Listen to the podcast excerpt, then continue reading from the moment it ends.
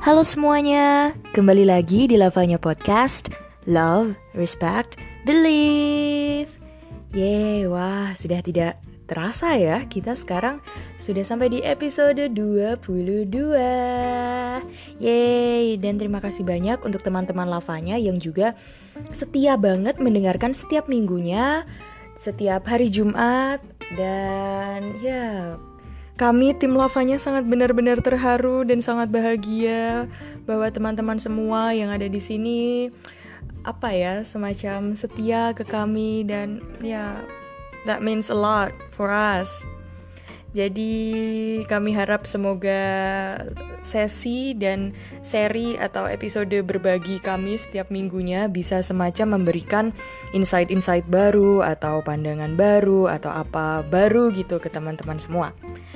Oke, okay, jadi ya di episode kali ini ini mungkin sedikit lebih ke apa ya semacam seri bercerita kali ya.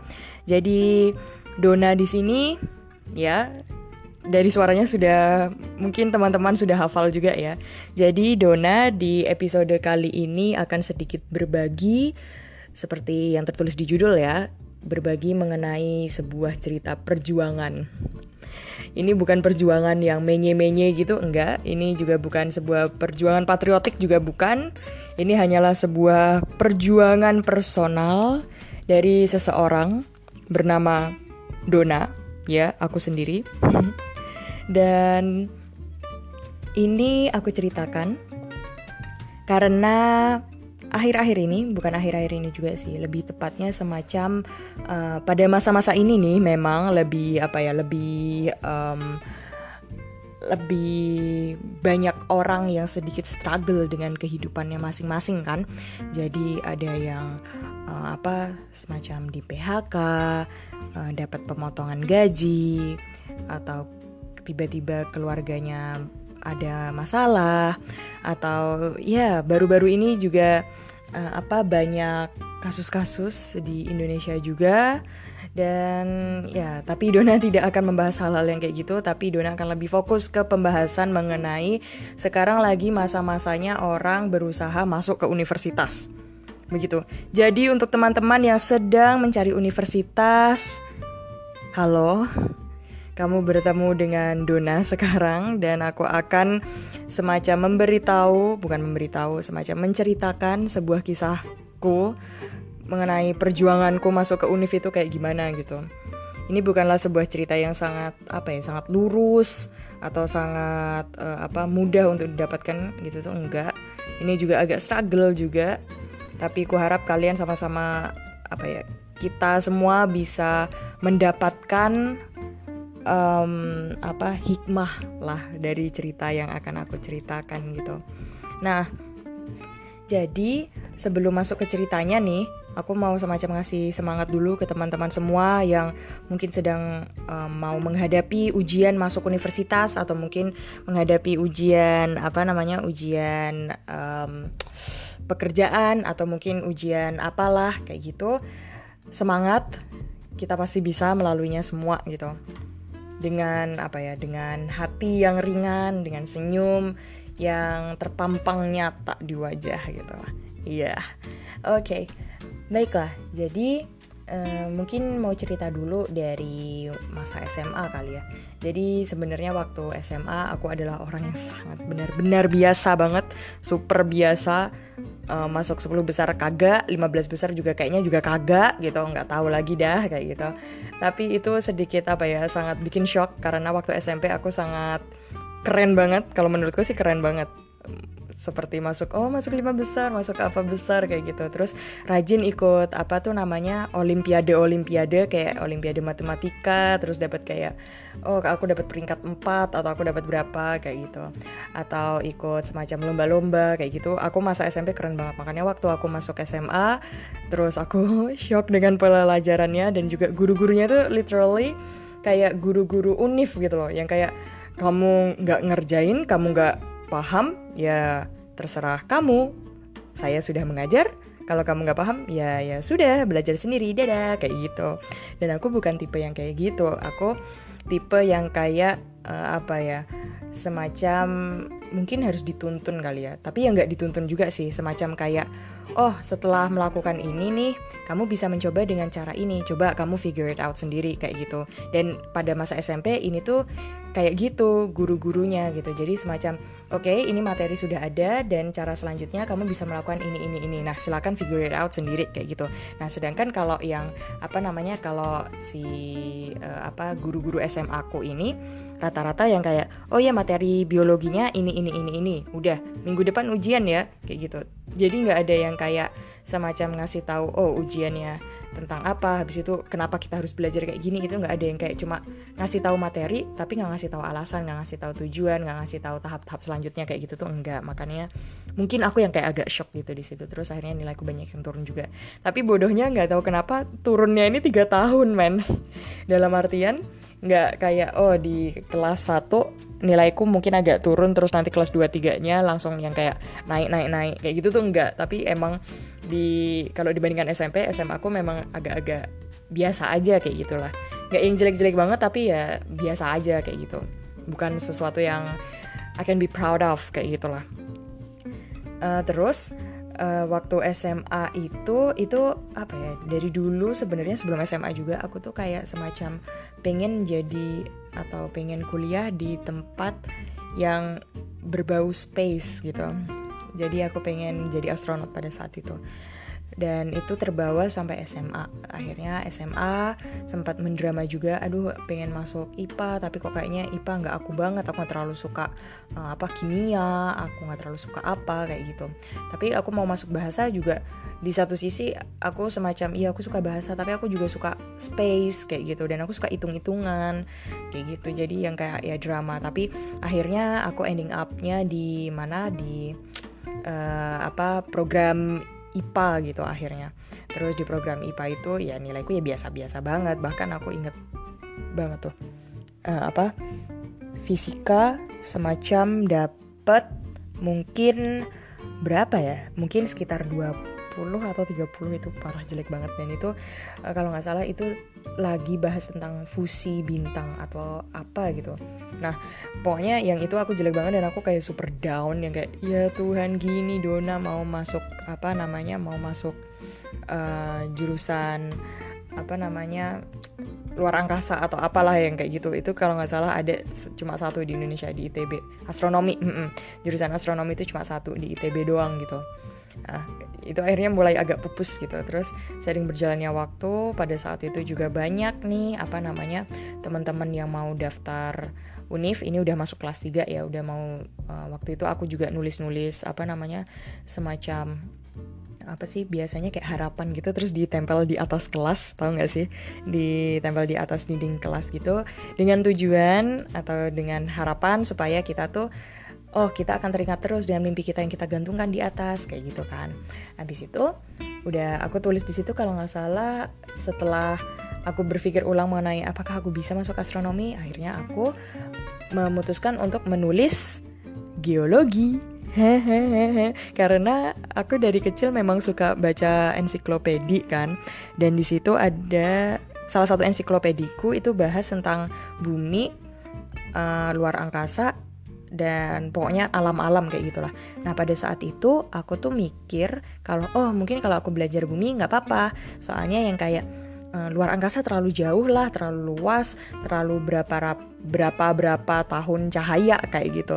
Terus ya udah aku memutuskan oke okay, belajar tentang bumi aja lah Dona kayak gitu kan.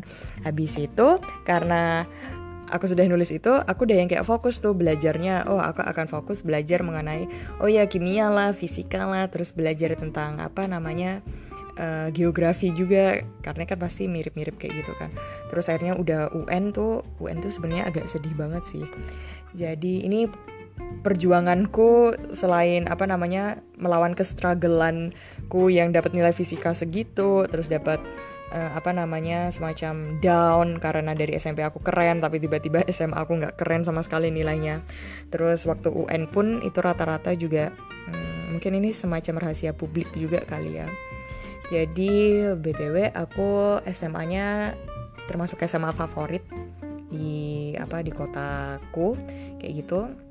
Dan stereotipnya sangat bagus kalau kata orang-orang SMA aku gitu.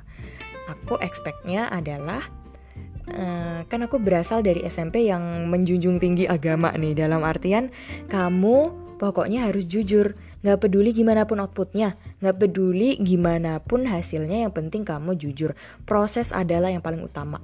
Nah ini semua tuh kebalik semua ketika SMA proses nggak penting yang penting lu hasilnya perfect.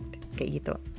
Nah karena itu jadi waktu UN itu ya gimana ya? UN you know lah rahasia publik pakai contekan. Hmm. dan itu ada yang mengkoordinir gitu di SMA bahkan aku yang kayak gila parah parah parah kayak gini men.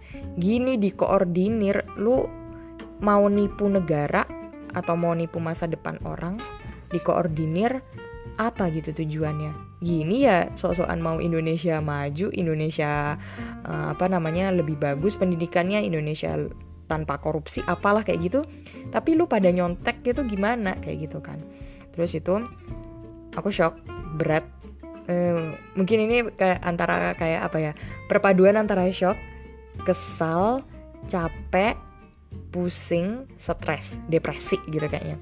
Terus akhirnya sampai uh, rumah aku kayak belajar gitu kan. Karena ya itulah you know kelas 3 lah belajar gitu. Terus akhirnya hmm, akhirnya ini agak sedih sih inget-inget itu lagi. Akhirnya pas aku belajar papaku kayak datang ke kamarku kan. Habis itu nanyain ke aku Duna gimana? Persiapannya? Sudah belajar belum? Lancar nggak di sekolah? Gimana uh, gurunya ngajarinnya kayak gitu. Ada yang bisa dibantu nggak? Kayak gitu kan. Terus aku yang kayak sedih gitu yang kayak tiba-tiba langsung apa namanya kayak mewek gitu. Tiba-tiba kayak langsung nangis yang kayak nangisnya tuh apa ya nangis banget gitu lah kayak ah, aku nggak bisa aku nggak bisa. Terus yang kayak gitu kan.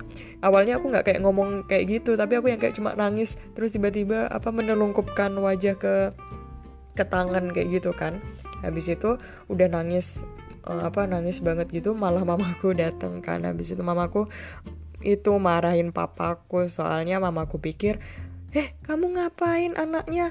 Anaknya lagi belajar malah dibuat nangis. Habis diomongin apa? Kayak gitu. Nah terus aku sebenarnya juga ngerasa berdosa sama papaku karena yang kayak loh aku nggak ngapa-ngapain tapi anak ini tiba-tiba nangis kayak gitu kan. Jadi mm, pada saat itu aku mungkin nangis semacam apa ya itu literally mewek yang nangis sekejer-kejernya kayak gitu lah itu mungkin ada lah hampir kayak 15 menit kayak gitu. Karena aku kalau nangis nggak bisa yang kayak ngomong gitu kan. Itu apalagi mana nangisnya yang nangis kenceng kayak gitu kan.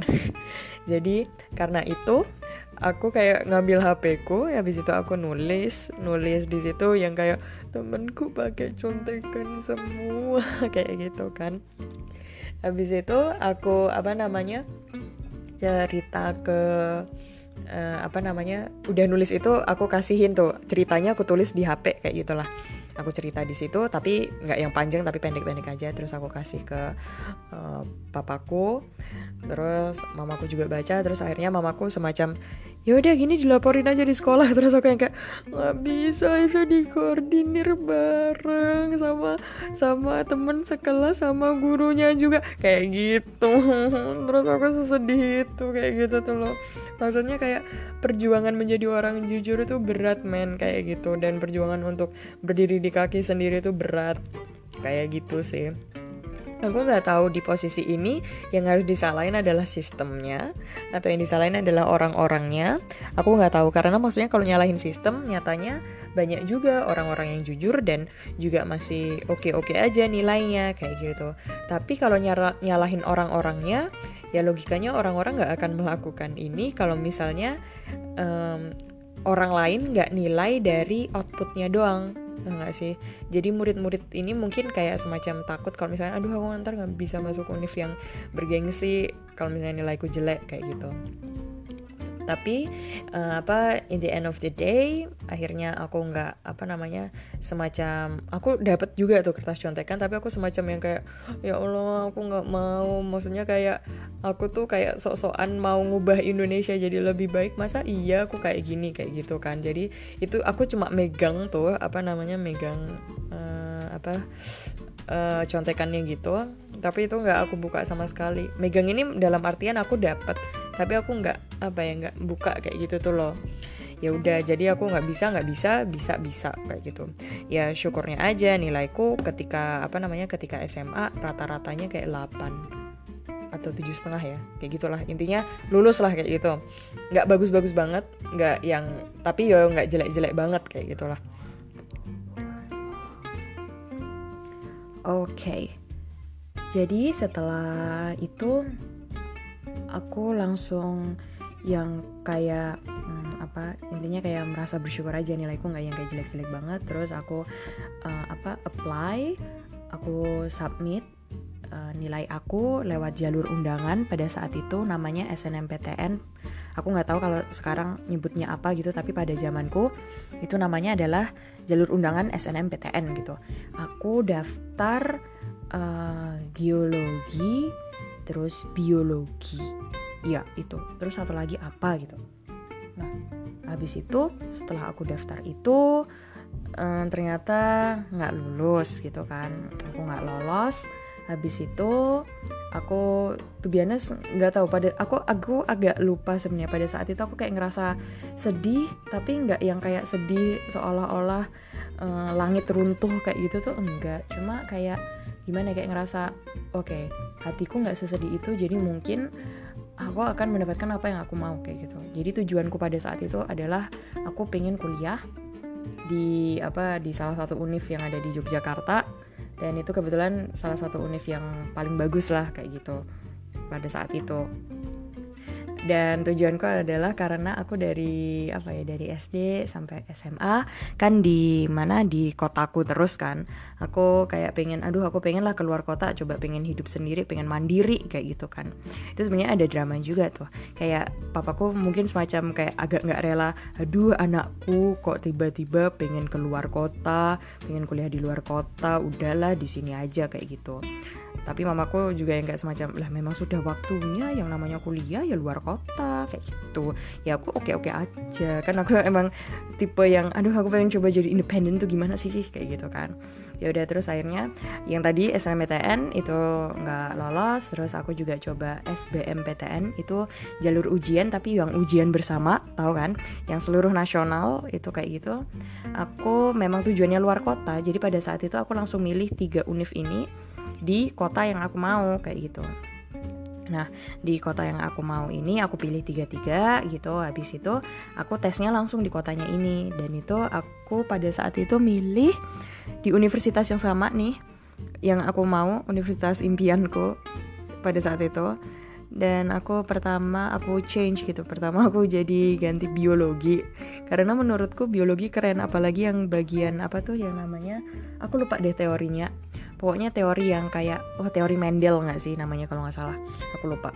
Nah teorinya ini ini tuh yang kayak semacam oh kalau si ini menikah dengan si ini atau ini dikawinkan dengan ini disilangkan dengan ini nanti anaknya kemungkinan sekian persen ini sekian persen ini sekian persen ini kayak gitulah. Eh, jadi berkutat di antara itu aja lah kayak gitu. Habis itu akhirnya aku milih biologi untuk yang pertama. Terus yang kedua aku masih nggak mau menyerah jadi aku tetap menulis uh, geologi. Terus yang ketiga ini uh, aku menulis apa ya pada saat itu? Aku lupa deh. Aku lupa. Pokoknya pada saat itu aku nulis something gitu di tiga cuma aku lupa. Nah habis itu ya itu tadi SBMPTN juga nggak lolos juga kan. Aku kurang yakin kenapa aku sudah berusaha dan aku pada saat itu udah didaftarkan juga uh, buat cadangan sih. Itu semacam ke apa ya kayak akademi akuntansi gitu. Pokoknya sal punya salah satu yayasan yang ada di Yogyakarta. Aku daftar ke situ juga dan nilaiku ya bagus-bagus aja gitu. I mean I'm not really that uh, apa ya stupid kayak gitulah jadi memang kebetulan aja SBMT SBMPTN-nya atau ujiannya aja yang mungkin terlalu susah atau akunya mungkin yang nggak ready kayak gitu. Tapi untuk yang masuk ke yayasan uh, apa univ cadangannya ini ini yang kayak cukup lah nilainya dan cukup bagus juga nilaiku pada saat itu. Terus ya udah akhirnya aku semacam uh, apa ya kayak uh, sedih tapi ya itu kayak yang jalur undangan itu nggak sesedih itu gitu nggak tahu kenapa gitu kan. Maksudnya kayak oke okay, baiklah masih ada jalur lain yaitu jalur uh, waktu itu nyebutnya uh, aduh aku jadi akhirnya kayak pengen spill nama univnya jadi merasa nggak enak nih oke okay, jadi intinya di univ ini itu tuh juga ada uh, apa tuh kayak semacam ujian mandiri gitulah nah univ ini terkenal dengan ujian mandiri yang dia tuh nggak bayar kayak gitu. Nah pada saat itu aku juga ujian juga di univ um, di kotaku gitu. Dan univ di kotaku ini ini tuh ujian mandirinya. Ada kayak pertanyaan kamu berani nyumbang berapa? Pokoknya intinya kalau dibahasain kayak gitulah kamu berani nyumbang berapa? Kamu uh, bisa ngasih uh, dana sumbangan berapa? Kayak gitu. Nah aku kan bukan dari keluarga super privilege kan ya. Jadi ya, ya gimana agak sedih aja ngisi gitu gitu kan. Uh, terus uh, intinya yang untuk univ yang ada di kotaku itu yang kayak ya udahlah nggak usah banyak-banyak kalau diterima ya diterima enggak ya enggak kayak gitu. Tapi pada saat itu aku juga daftar yang uh, di univ yang aku mau ini jalur uh, mandirinya gitu. Dan itu emang nggak ada kayak dana sumbangan atau apa gitu nggak ada syukurnya. Dan pada saat itu aku waktu ujian itu struggle juga sih karena kan aku anak IPA kan tadi aku ceritanya. Tapi uh, di sini aku mikir oke okay, mungkin otakku untuk univ memang kayaknya agak kurang pas gitu kalau IPA gitu kan. Akhirnya aku ikut salah satu bimbel gitu selama tiga bulan atau dua bulan itu aku belajar nih hal-hal IPS juga gitu. Jadi dalam waktu singkat aku yang literally nggak tidur terus eh, nggak uh, apa nggak yang main-main nggak ngapa-ngapain kayak gitu tapi fokus belajar doang gitu kan. Itu aku fokus kayak gitu selama mungkin tiga bulan berapa bulan gitu belajar IPS juga. Habis itu aku ikut ujian yang ujian mandiri di univ yang aku mau gitu. Habis itu aku pada saat itu langsung ganti gitu. Aku di pilihan pertama aku pilih bahasa Korea langsung jauh banget ya gitu. Tapi emang aku passion sih di bahasa. I mean uh, I wasn't choosing majors yang aku nggak suka gitu. Jadi ya yeah, I think I would never do that gitu. Never. Karena aku selalu pikir bahwa aku yang ngejalanin hidup ya aku harus bahagia. Aku harus bisa ngelakuin itu kayak gitu tuh loh. Jadi kalau misalnya aku ngerasa seneng dengan ini ya udah lakuin. Enggak ya ya udah enggak. Kayak gitu kan. Nah habis itu uh, pilihan keduanya apa ya? Kalau nggak salah emang agak bodoh sih aku kalau ngatur angka-angka kayak gitu kan. Jadi pilihan keduanya tuh biologi kalau nggak salah. Aduh memang padahal kayaknya biologi yang apa passing grade-nya lebih tinggi gitu lah intinya. Ya udah terus uh, anyway uh, balik lagi yang tadi pilihan pertama bahasa Korea terus tiba-tiba uh, kan itu posisi aku di mana tuh? Di uh, di Jogja kan pada saat itu. Aku tesnya di Jogja. Habis itu aku itu adalah tahun di mana aku bolak-balik Jogja uh, Jogja sidoarjo Jogja sidoarjo Jogja sidoarjo. Itu ada gitu sebulan berapa kali gitu ada gitulah nah terus aku balik ke sidoarjo gitu kan. Habis itu di sidoarjo itu aku yang kayak semacam oke okay, baiklah kita sekarang harus mikirin mau univ cadangannya di mana kayak gitu kan udah tes yang di yayasan apa gitu kan. Nah itu harus ngelengkapin berkas-berkasnya terus akhirnya kita itu posisi saat itu aku udah di sidoarjo habis itu aku uh, berangkat di Jogja terus pas aku udah mau nyampe rumah nenekku kan itu waktu itu di jam itu adalah jam pengumuman gitu. Aku yang kayak iseng-iseng tuh buka hmm hatiku kepo nih kayak gitu aku apa ya? Kayak gitu. Terus aku buka aku pinjem apa namanya tethernya mamaku. Kalau nggak salah inget ya atau tethernya papaku gitu. Dan pada saat itu aku naik mobil gitu. Jadi itu dari posisi sidoarjo ke Jogja naik mobil papaku yang nyetir. Aku pinjem tethering dan itu kayak cuma tinggal berapa langkah lagi sampai rumah nenek kayak gitu kan. Rumah nenekku di Jogja gitu. Habis itu setelah aku buka HP, tiba-tiba warnanya hijau dong. Selamat, kamu lulus, diterima di jurusan bahasa Korea. Yeay, kayak gitu. Terus aku pada saat itu bukan yang kayak excited gitu, tapi aku yang kayak nggak bisa ngomongnya kayak, hmm, hmm, mah, mah, eh, mah, lihat ini, kayak gitu. Aku lupa deh aku ngomong apa, pokoknya yang kayak aku nggak nunjukin aku excited, tapi aku yang kayak nunjukin mm, mah lihat deh kayaknya kita harus balik ke mana ke sidoarjo karena ini harus disuruh ngelengkapin berkas lah lalala apalah kayak gitu. Dan aku nggak bawa itu kayak gitu. Terus yang mamaku yang kayak semacam heh apa maksudnya? Terus dilihatin habis itu ya Allah alhamdulillah kayak gitu gitulah terus aku yang kayak uh, ya aku excited tapi I don't know how to express my excitement kayak gitu loh. Ya emang agak random sih aku nih kayak gitu. Habis itu posisinya aku udah nyampe rumah nenekku pada saat itu.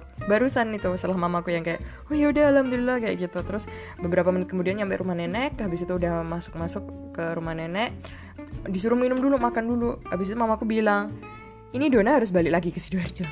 Hmm kayak gitu. Jadi posisi aku malam eh atau pagi aku lupa deh jamnya kapan. Pokoknya pada saat itu aku dari sidoarjo ke Yogyakarta nyampe rum uh, pas mau nyampe di rumah nenek udah ada pengumuman habis sudah ada pengumuman akhirnya uh, istirahat bentar di rumah nenek mungkin adalah setengah jam atau satu jam kayak gitu. Habis itu bodoh.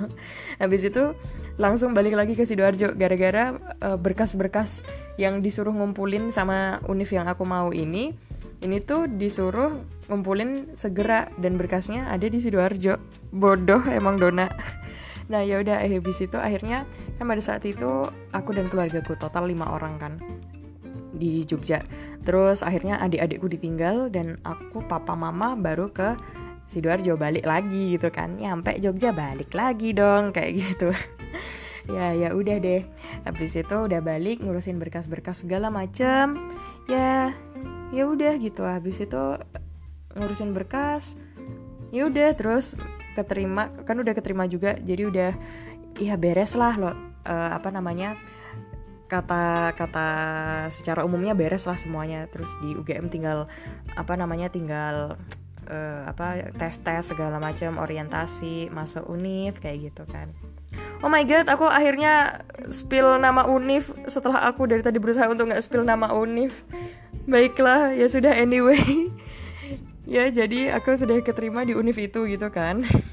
Habis itu setelah aku diterima uh, aku mulai rajin ikut apa organisasi. Uh, karena waktu aku SMA itu aku super yang kayak introvert. Gak yang introvert banget tapi maksudku yang kayak aku mungkin bahasa kasarnya apatis kali ya. Jadi uh, di apa di univ aku coba ikut. Banyak organisasi ketemu banyak orang baru kayak gitu. Terus uh, akhirnya itu juga berhasil membawaku untuk tes tes bahasa Inggris. Habis itu tes apalah tes apalah. Habis itu aku juga berhasil untuk exchange ke Korea kayak gitu. Dan dapat apa namanya nggak fully funded tapi partial funded dan ya yeah, I think that's worth enough sih untuk di apa experiencein gitu gitu kan. Uh, habis itu di detik ini aku juga berpikir yang kayak hmm oke okay, mungkin apa yang terjadi padaku dulu ini memang harus disyukuri karena mungkin kalau Dona nih akhirnya keterima biologi atau Dona akhirnya keterima geologi mungkin Dona nggak akan bisa sampai di detik ini kayak gitu kan. Mungkin Dona nggak akan jadi ke Korea atau uh, Dona nggak akan dapat insight-insight baru, ketemu teman-teman baru, nggak apa namanya nggak mm, apa otaknya Dona yang sekarang nggak kayak otak yang kalau misalnya aku mengambil jalan lain pada saat itu kayak gitu sih. Karena aku ngerasa betul sih sekembalinya aku exchange gitu insightku beneran berubah gitu. Terus aku juga ngera ngerasa pandanganku mengenai edukasi mengenai pendidikan itu beneran berubah juga gitu. Aku ngerasa sih jauh lebih baik sih kalau aku. Nggak tahu kalau untuk orang lain ya tapi kalau untuk aku aku ngerasa jauh lebih baik gitu. Dan sekembalinya dari Korea pun aku mulai ngerasa bahwa oh jurusanku nih gini-gini aja. Maksudnya gini-gini aja nih bukan dalam artian jelek ya. Maksudnya yang kayak um, kalau bertemannya dengan ini ini aja ya lingkunganku akan seputar ini ini aja kayak gitu. Dan ya itu sekembalinya dari Korea aku akhirnya berusaha untuk cari organisasi yang emang apa ya intinya gede gitulah. Yang broad kayak gitu. Uh, terus aku mulai coba daftar organisasi yang tingkat nasional atau tingkat uh, internasional bilateral kayak gitu. Terus ya udah keterima dan uh, semacam ditugasi untuk memegang jabatan yang lumayan penting lah di situ. Kayak gitu. Habis itu um, aku juga apa ya intinya dari poin itu dari poin aku struggle di SMA yang kayak mewek-mewek gara-gara uh, orang-orang lain contekan kayak gitu. Terus sampai di posisi saat ini di mana aku uh, sudah lulus dan aku juga sudah apa namanya sudah mendapatkan banyak insight juga. Bukan sudah tapi yang uh, dibandingkan yang dulu itu memang dapat banyak insight. Tapi aku sangat keen to achieve atau keen to get more insights, more experiences kayak gitu. Jadi uh, di posisi ini aku ngerasa bersyukur aja sih. Dan juga di sini kan aku bisa berbagi juga dengan teman-teman lavanya.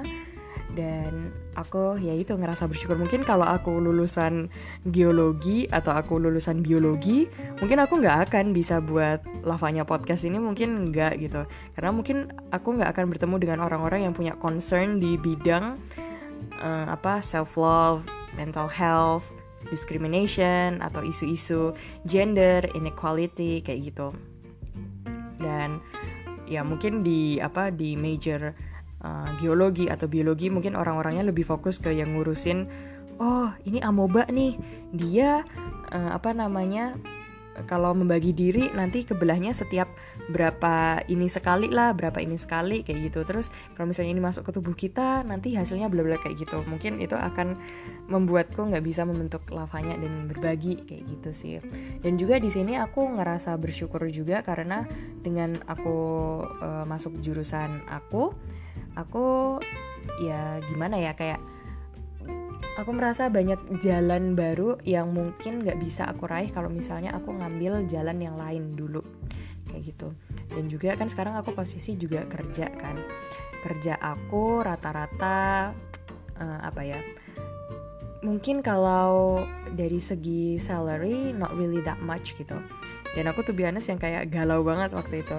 Ketika dibilangin oh salarynya segini nih mungkin ini aku agak yang kayak semacam ah segitu doang. Kan cita-cita aku tinggi. Mau beli rumah lah mau traveling lah mau apalah kayak gitu kan. Nah terus mamaku kayak semacam ya udah kerja pertama nggak apa ya nggak usah muluk-muluk nggak apa-apa. Terima aja gitu loh. Nanti pasti kalau ada apa namanya ada jalan ya pasti ada jalan kayak gitu kan. Ya udah akhirnya aku terima aja dan eh, ternyata kan aku mulai kerja tahun 2019 mulai agak akhir gitu Agustus. Ya Agustusan gitu kan itu udah training training gitu. Habis itu um, ternyata di tahun 2020 ada covid kayak gitu kan. Jadi uh, di awalnya yang aku kayak semacam bukan mengeluh sih semacam kayak ya gajinya segini doang. Habis itu ntar aku nggak bisa ini nggak bisa ini kayak gitu kan. Terus akhirnya tetap aku lakuin juga dan ternyata ada covid dan bagusnya di tempat aku kerja ini mereka kemanusiaannya sangat kental sih. Ini kental ini ada yang dalam arti buruk dan juga ada yang dalam arti positif ya tapi yang kali ini aku berbicara tentang arti positifnya. Dan kemanusiaannya ini atau kekeluarganya ini kentalnya adalah ya kan kita sudah mempekerjakan. Masa iya kita mecat-mecat gitu-gitu? Kita apalah apalah kayak gitu kan. Nah jadi karena covid ini eh, teman-teman aku yang mungkin belum lulus atau yang sedang mencari pekerjaan itu ngerasa galau gitu kan. Dan aku alhamdulillahnya nggak nggak nggak dipecat atau gajinya juga nggak dipotong gitu. Meskipun ya apa ya sebatas UMR aja kayak gitu kan tapi ya itu lagi uh, apa ya memang harus bersyukur sih karena banyak orang lain juga yang mungkin kalau berada di posisiku mereka yang akan sembah sujud mereka yang akan bahagia banget kayak gitu kan. Dan juga aku tadi dibilangin salah satu uh, apa tim yang ada di lavanya juga kan dia bilang bahwa oh teman-temanku nih mereka parah sih kayak aku takut mereka depresi, aku takut mereka stres atau kebawa pikiran terus kayak gitu. Karena teman-temannya si salah satu teman lavanya nih, namanya Nanda. Mungkin kalau kalian udah dengerin episode yang kemarin-kemarin itu ada juga namanya Nanda. Nah, jadi intinya Nanda cerita kayak gitu dan Nanda uh, ngasih tahu aku kalau oh, teman-temannya dia ada nih yang ternyata uh, intinya rela lah mau digaji berapapun yang penting kerja kayak gitu. Sejuta lah nggak apa-apa kayak gitu. Tapi posisi kerjanya di Jakarta kan agak gimana ya di situ aku kayak di satu sisi kayak ngerasa kamu kok nge-value dirimu segitu doang? Padahal kamu kayak udah lulusan tinggi nilaimu bagus masa segitu doang usahamu selama ini nggak kamu hargain? Kayak gitu kan. Aku di satu sisi mikir itu tapi di satu sisi juga paham bahwa oh sekarang tuh covid nggak semua orang bisa dapat pekerjaan. Dan kalau misalnya dapat pekerjaan pun ya gimana ya intinya kayak nggak apa-apa deh kalau misalnya pekerjaannya nggak aku suka yang penting dapat uang dulu untuk makan untuk keluarga kayak gitu kan. Jadi ya itu jadi otakku dan hatiku semacam kebelah jadi dua yang kayak di satu sisi oh ya kenapa kamu nerima uang segitu? Kamu nggak ngehargai diri kamu. Tapi di satu sisi lain ya mereka butuh makan juga kayak gitu sih. Jadi uh, poin yang mau aku sampaikan di sini adalah mungkin dengan diterima kerjanya aku di sini meskipun awalnya aku yang kayak nelongsel banget yang kayak aduh kok segini doang? Kayak gitu kan. Akhirnya Dona di detik ini semacam sadar juga yang kayak oh ya aku sadar nih mungkin kalau aku nggak di kerjaanku yang sekarang mungkin aku udah dipecat atau mungkin aku udah diapain. Mungkin aku nggak bisa uh, apa dapat dana bantuan pemerintah kayak gitulah. Ya jadi intinya poin apa poin episode kali ini adalah struggle atau apa pun yang kalian pandang sebagai hambatan sebagai drama atau sebagai hal yang mungkin kalian pikir nggak akan valuable untuk kalian in the future. Jangan berpikir demikian teman-teman karena ini adalah kisah nyataku. Dan mungkin untuk bagian apa ya untuk semacam teman-teman yang lain Allah itu paling kayak ya emang aku lagi hoki atau gimana kayak gitu. I don't know. Aku nggak akan memungkiri juga kalau mungkin aku lagi hoki atau gimana tapi ya intinya adalah harus disyukuri gitu. Karena ya semua orang punya kehokian masing-masing kayak gitu sih. Dan as long as kita berusaha kita tetap apa ya tetap memanusiakan manusia, tetap bersyukur, tetap uh, bahagia dan tetap memberikan impact yang bagus untuk lingkungan sekitar kita, ya hasilnya pun juga akan bagus. Kayak gitu. Jadi aku mau kembali menyemangati lagi untuk teman-teman yang sedang berjuang entah apa pun itu yang kalian perjuangkan, berjuanglah. Karena dengan berjuang kalian bisa mencapai apa yang kalian mau atau apa yang terbaik untuk kalian. Meskipun itu penuh dengan darah, penuh dengan struggle, nangis-nangis, sedih, stres, depresi kayak gitu nggak apa-apa gitu. That's the process. Dan kita harus uh, apa ya menghargai sebuah proses. Kita akan menjadi dewasa dengan adanya proses. Begitu. Dan itu ceritaku itu cerita Dona. Dan kalau teman-teman lavanya ingin berbagi ceritanya masing-masing, mungkin teringat dengan kisah masa lalunya, mungkin teringat dengan struggle-nya selama ini seperti apa, silahkan berbagi, kami sangat terbuka. Kami akan dengan senang hati membacakan cerita-cerita itu ke teman-teman semua. Dan teman-teman bisa membagikannya melalui DM di Instagram di lavanya.podcast atau melalui email kalau mau nulis panjang-panjang atau ngasih link atau apalah itu bisa juga di lavanya.podcast@gmail.com. Oke, jadi terima kasih banyak untuk teman-teman yang sudah mendengarkan di episode ini, episode 22. Dan Sampai jumpa lagi di episode selanjutnya. Di minggu depan akan bersama Lauren lagi.